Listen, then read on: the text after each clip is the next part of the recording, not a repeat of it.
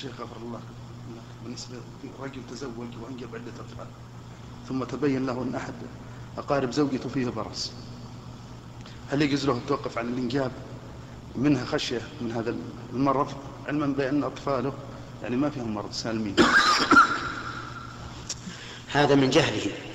لو أراد أن يتوقف عن الإنجاب لأن بعض أقارب الزوجة فيهم برص كان هذا لا شك من من سفهه ومن سوء ظنه بالله عز وجل.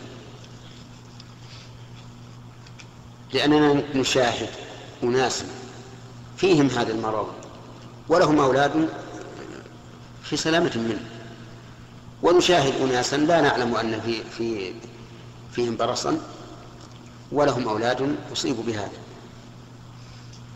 فلا ينبغي للإنسان أن يتشاءم بل يعتمد على الله عز وجل ويتوكل على الله ولينجب. وأنه بهذه المناسبة أود أن أبين لكم أن الرسول صلى الله عليه وسلم يحب أن تكثر الأمة. قال تزوجوا الودود الولود.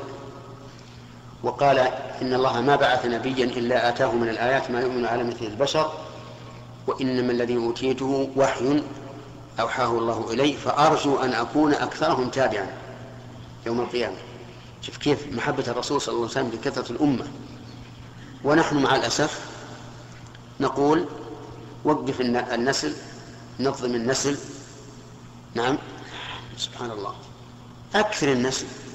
والله تعالى يرزقهم. كما قال تعالى نحن نرزقكم وإياهم. فقل للأخ هذا يستمر ولا ولا يوقف الإنجاب وإن شاء الله لا يرى لا يرى بأسا.